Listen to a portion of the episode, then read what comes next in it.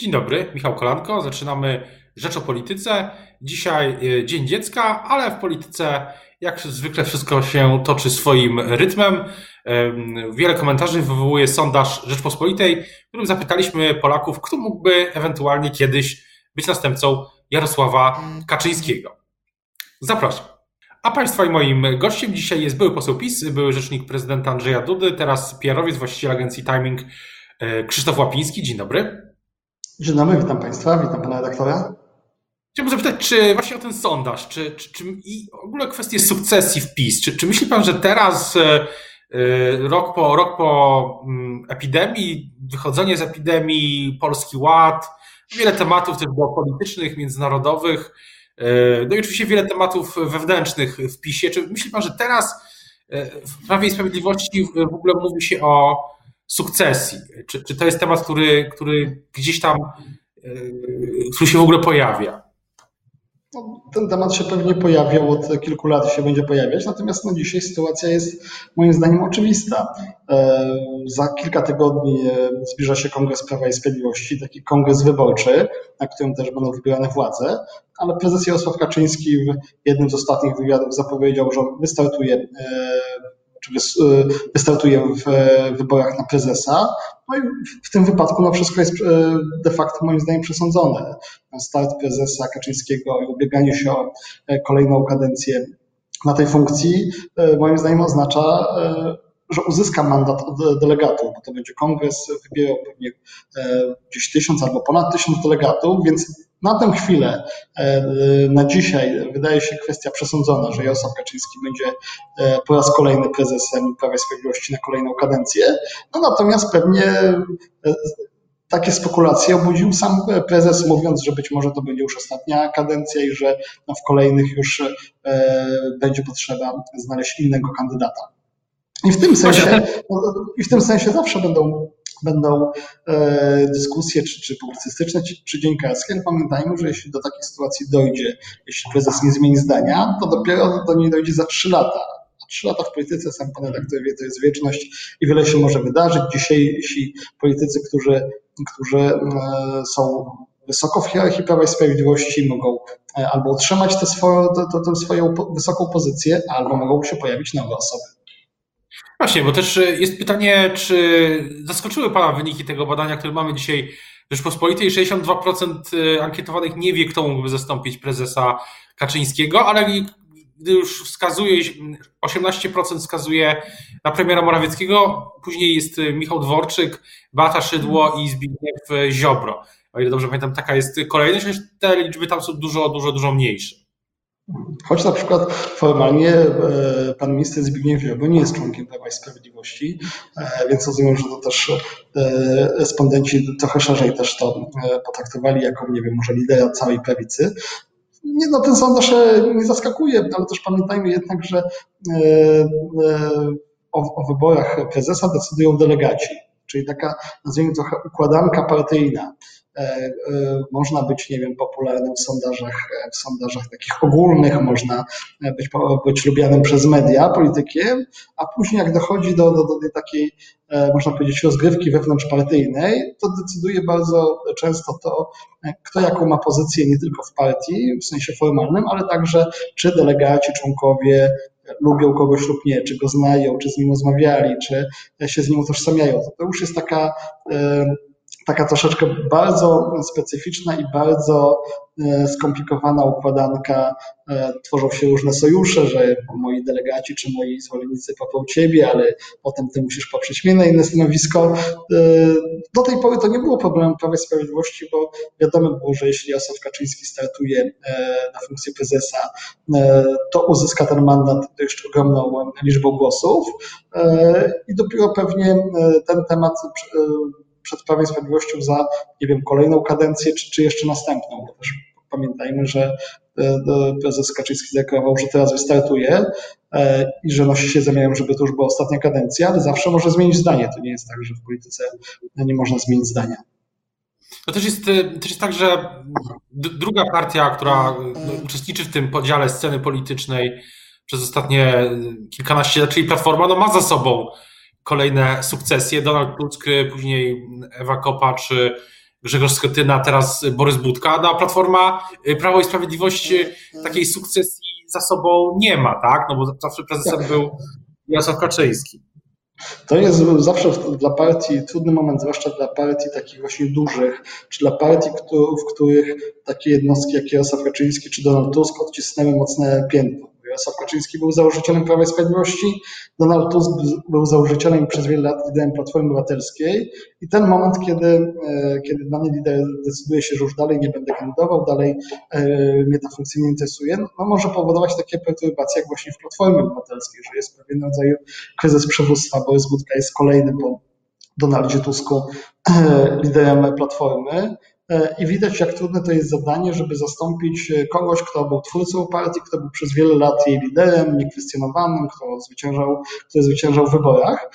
E, choć są też partie na polskiej scenie politycznej, co prawda mniejsze, które no, przechodziły wiele różnych, wiele różnych takich procesów, że odchodził jeden lider, przychodził drugi.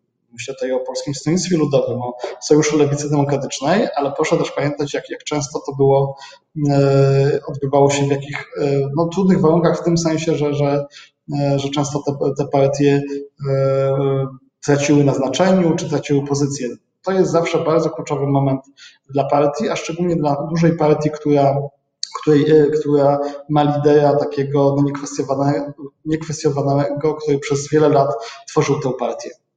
Myślę, że, myślę, że to jest co najmniej trzy albo być może i więcej lat e, do tej sytuacji, która, która może się przydarzyć w, w Prawie Sprawiedliwości, skoro Jarosław Kaczyński zapowiedział, że wystartuje w tych najbliższych wyborach. Jest, jest też tak, że myślę, że takich e, no, informacji w kuluarach już od wielu lat jest, jest takie przekonanie, że, że partia Prawo i Sprawiedliwość e, jej siła e, jest dla prezesa Kaczyńskiego czymś bardzo ważnym, jeśli nie najważniejszym w ogóle, e, ważniejszym nawet chyba niż to, czy, czy akurat jest partia, sprawuje władzę, czy, czy, czy nie, no było wiele różnych e, trudnych, skomplikowanych momentów politycznych, to teraz jeśli chodzi o Prawo i Sprawiedliwość, więc jest takie przekonanie, że, że partia dla Jarosława Kaczyńskiego jest naprawdę wszystkim. No i z tego punktu widzenia kwestia sukcesji jest szczególnie trudna, gdy mm, no, tak silnie jest też spojony wizerunek e, prezesa Kaczyńskiego z samym PiSem. Na, na pewno i to e, Jarosław Kaczyński wielu, e, wielokrotnie mówił w różnego rodzaju także wywiadach o tym, że dla niego być liderem dużej partii, partii, która jeszcze może rządzić lub współrządzić, jest często ważniejsze niż piastowanie wysokich stanowisk państwowych, że on jest w stanie poświęcić, poświęcić poświęcić się osobiście, w sensie nie sprawować tych urzędów, e, żeby mieć czas i możliwość zajmowania się partią po to, żeby ona była silna i znacząca. To, co Pan mówi, to jest pełna zgoda, natomiast to powtórzę, dziś ten element e, nie występuje, bo prezes Jarosław Kaczyński zadeklarował, że wystartuje w wyborach na szefa partii. Jestem przekonany, że te, znając Pan pewnie też znając, jak wygląda dzisiaj i Sprawiedliwość, w sensie jaką ma pozycję Jarosław Kaczyński, że te, te wybory wygra, więc dzisiaj e, no, o sukcesji e, trudno mówić, skoro, skoro Jarosław Kaczyński zadeklarował e, ponowny start w wyborach na prezesa partii. A myśli pan to... Na, na, kolejne, na kolejną kadencję zapewne zostanie wybrany. No właśnie, kończąc ten wątek, jeszcze jest jedna, jedna taka rzecz, która, której czasami się analitycy, dziennikarze zastanawiali, czy, czy, może być tak, że będzie jednak osoba, która no, rzuci wyzwanie prezesowi Kaczyńskiemu, bo te ostatnie lata e, od 2019 roku, no powiedzmy, e, było wiele procesów, zaskakujących procesów odśrodkowych w PiSie, na przykład to, co się wydarzyło wokół Jana Krzysztofa Ardanowskiego, czy e, te kłopoty z piątką dla zwierząt i kilka innych sytuacji. Myśli pan, że E, myśli pan, że może być tak, że ktoś e, wtedy na tym kongresie e, no, może nie może wstanie i powie, że, że rzuca choćby symboliczne wyzwanie prezesowi? No, no, taki scenariusz jest możliwy w sensie takim, że znajdzie się jakiś polityk, który powie, chcę startować, spróbuję, bo, bo być może też uzyska trochę 5 minut takiego rozgłosu. No, natomiast ktokolwiek by to był, to nie wróżę takiej operacji powodzenia. Co do y, rzeczy, które są tu i teraz, to tematem od kilku tygodni dyskusji, analiz oczywiście też, ale sam, tak mi się wydaje też w samym Prawie i Sprawiedliwości jest Polski, Polski Ład. Czy uważa Pan, że ten proces jego e, przedstawienia opinii publicznej był, e, przynajmniej pierwsza faza była udana? No, cofnijmy się trochę właśnie do tego momentu, kiedy ten Polski Ład został przedstawiany. E, przeddzień tego tego wydarzenia. No doszło do pewnych rodzajów perturbacji w Platformie Obywatelskiej. E, dwóch polityków czy dwóch posłów e, zostało z niej wyrzuconych, więc z jednej strony tutaj mieliśmy dyskusję wewnętrzną, e, skupianie się na, na własnej formacji, wyrzucanie, dyscyplinowanie, a z drugiej strony no, obóz rządowy zaprezentował program, program dość obszerny.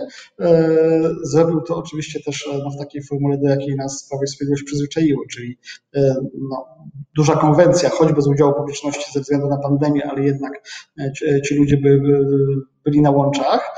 Plus e, dalsza ofensywa. W poniedziałek premier ruszył w kraj, prezentując ten nowy ład, miał e, polski ład, miał ileś konferencji. W regionach posłowie, praktycznie chyba w każdym okręgu wyborczym też prezentowali, prezentowali ten program, więc znowu taka zmasowana, zmasowana akcja promocyjna, która pokazywała, proszę bardzo, opozycja się kłóci między sobą, wyrzuca swoich członków, jest cały czas zdezorientowana, a my tu e, jako obóz Zjednoczonej Prawicy prezentujemy kolejny e, plan, kolejne, e, kolejne punkty na najbliższe lata, które chcemy zrealizować. I co więcej przekaz prawda, był taki, że na tym planie 80 czy 90% społeczeństwa skorzysta, bo będzie miało większą emeryturę, będzie miało, płaciło niższe podatki, bo będzie mogło skorzystać z różnego rodzaju kredytów czy dopłat. Więc w tym sensie ta ofensywa była widoczna, I, i, I, co więcej, no, nałożyła się także na ten element, na, na, ten moment, kiedy e, no, w opozycji najlepiej się działo, e, no bo też opozycja między sobą miała różnego rodzaju miała różnego rodzaju trudne chwile związane z tym, że nie wszystkie partie opozycyjne działały wspólnie, jeśli chodzi o fundusz odbudowy. Więc w tym sensie to był dość dobry timing na uruchomienie takiej, takiej inicjatywy. To co ciekawe, to wydaje się, że to sama opozycja, zwłaszcza Platforma, pomogła nieco budując ten, to wrażenie, o którym Pan mówi, tej, tej kłótni, bo przecież decyzja zarządu Platformy no, o wyrzuceniu posłów Rasia i Zalewskiego, no to była decyzja, którą zarząd mógł podjąć w innych godzinach dnia. No, no, dokładnie, proszę zobaczyć, że taki, ten kwiecień to był taki trochę rollercoaster w polskiej polityce, bo na początku kwietnia wydawało się, że to właśnie e, e, obóz rządzący jest w kryzysie. E, jedna z partii obozu rządzącego, Solidarna Polska, mówiła, że nie poprze w głosowaniu tego, tego funduszu. No, wydawało się, e, że sytuacja jest naprawdę, e, naprawdę e, bardzo napięta, że może się skończyć tak, że fundusz zostanie odrzucony głosami głosami e, jednej z partii współrządzących, e, a za chwilę, za trzy tygodnie mamy zupełnie inną sytuację. E, obóz rządowy wygrywa bardzo ważne głosowanie, co, wie, co więcej, wygrywa głosami jednej z partii opozycyjnych, później dogaduje się dość szybko w prawie Polskiego Ładu i go prezentuje. Czyli w przeciągu miesiąca mamy zupełnie, te, te role się odwróciły, że najpierw faktycznie obóz rządowy jest w trudnej sytuacji, w pewnym kryzysie nie może się dogadać do ważne, e, w stosunku do ważnych spraw, e, czy w sprawie ważnych spraw, a za chwilę po miesiącu to obóz rządowy jest na fali, to obóz rządowy wspólnie jako Zjednoczona Prawica prezentuje Polski Ład. Czy, e, czy ten Polski Ład uda się zrealizować dość szybko, sprawnie i bez żadnych takich kolizji między koalicjantami, to zobaczymy, no bo tak jak mówię, jeden miesiąc tutaj w polskiej polityce często dużo zmienia, no ale na pewno E, na pewno w ostatnich tygodniach to, to obóz rządowy był tym, który znowu narzucał narrację, który znowu narzucał tematy i to znowu opozycja musiała się do tych tematów odnosić, czyli grać na boisku, czy według reguł, które wyznaczył, e, wyznaczyło Prawo i Sprawiedliwość Zjednoczona Prawica. No to czy tak e, będzie przez najbliższe dni i tygodnie, to jeszcze się okaże. Wiem, że ten plan na koniec jest, jest taki pomysł, z tego co rozumiem, Prawa i Sprawiedliwości, że do tego kongresu, o którym mówiliśmy dzisiaj tyle, no właśnie ma być ten polski ład omawiany, że tak się wyrażę, przepraszam za to słowo, grzany. Później ma być dwa, dwa miesiące wakacji pewnego uspokojenia. No I niesienie ustawy w Sejmie no jak rozumiem, po prostu realizacja mm, tych, tych, tych niektórych założeń, bo uważa pan, że to ma, to ma sens, żeby dać Polakom też czas na, na wakacje, na, na odreagowanie w jakimś sensie tego, co było przez Oczywiście. Tak, i jeszcze też dodam przecież, że ten timing prezentacji Polskiego Ładu był następnego dnia po pewnym odmrożeniu gospodarki, czy nawet zdjęciu różnego rodzaju obostrzeń pandemicznych, czyli taka trochę nowa nadzieja na, na to, że, że wracamy do, do normalnego życia. I, to, co Pan zaprezentował, to faktycznie, jeśli zostanie dobrze przeprowadzone, to ma szansę na to, żeby cały czas Zjednoczona Prawica była wysoko w sondażach. Czyli prezentacja Polskiego Ładu, jego promocja do wakacji, potem niech ludzie odpoczną troszkę e, i na koniec, e, i na koniec znowu e, ofensywa legislacyjna w Sejmie. O tym, o Polskim Ładzie myślę będziemy jeszcze mówić kilkukrotnie i analizować jego niektóre zapisy, zwłaszcza jak już pojawią się szczegóły, bo projektów ustaw, no jak nie było, tak nie ma, ale to pewnie też jest element jakiejś taktyki obozu rządowego. Teraz bardzo już dziękuję za rozmowę Państwa i moim gościem dzisiaj był Krzysztof y, Łapiński, był czyli prezydent Andrzeja Dudy, był poseł PiS i teraz, y, teraz właściciel agencji PR Timing. Dziękuję bardzo. Dziękuję, dziękuję Panu, a wszystkim dzieciom wszystkiego dobrego w ich dniu. Wszystkiego bardzo miłego dnia. Dobrego dnia.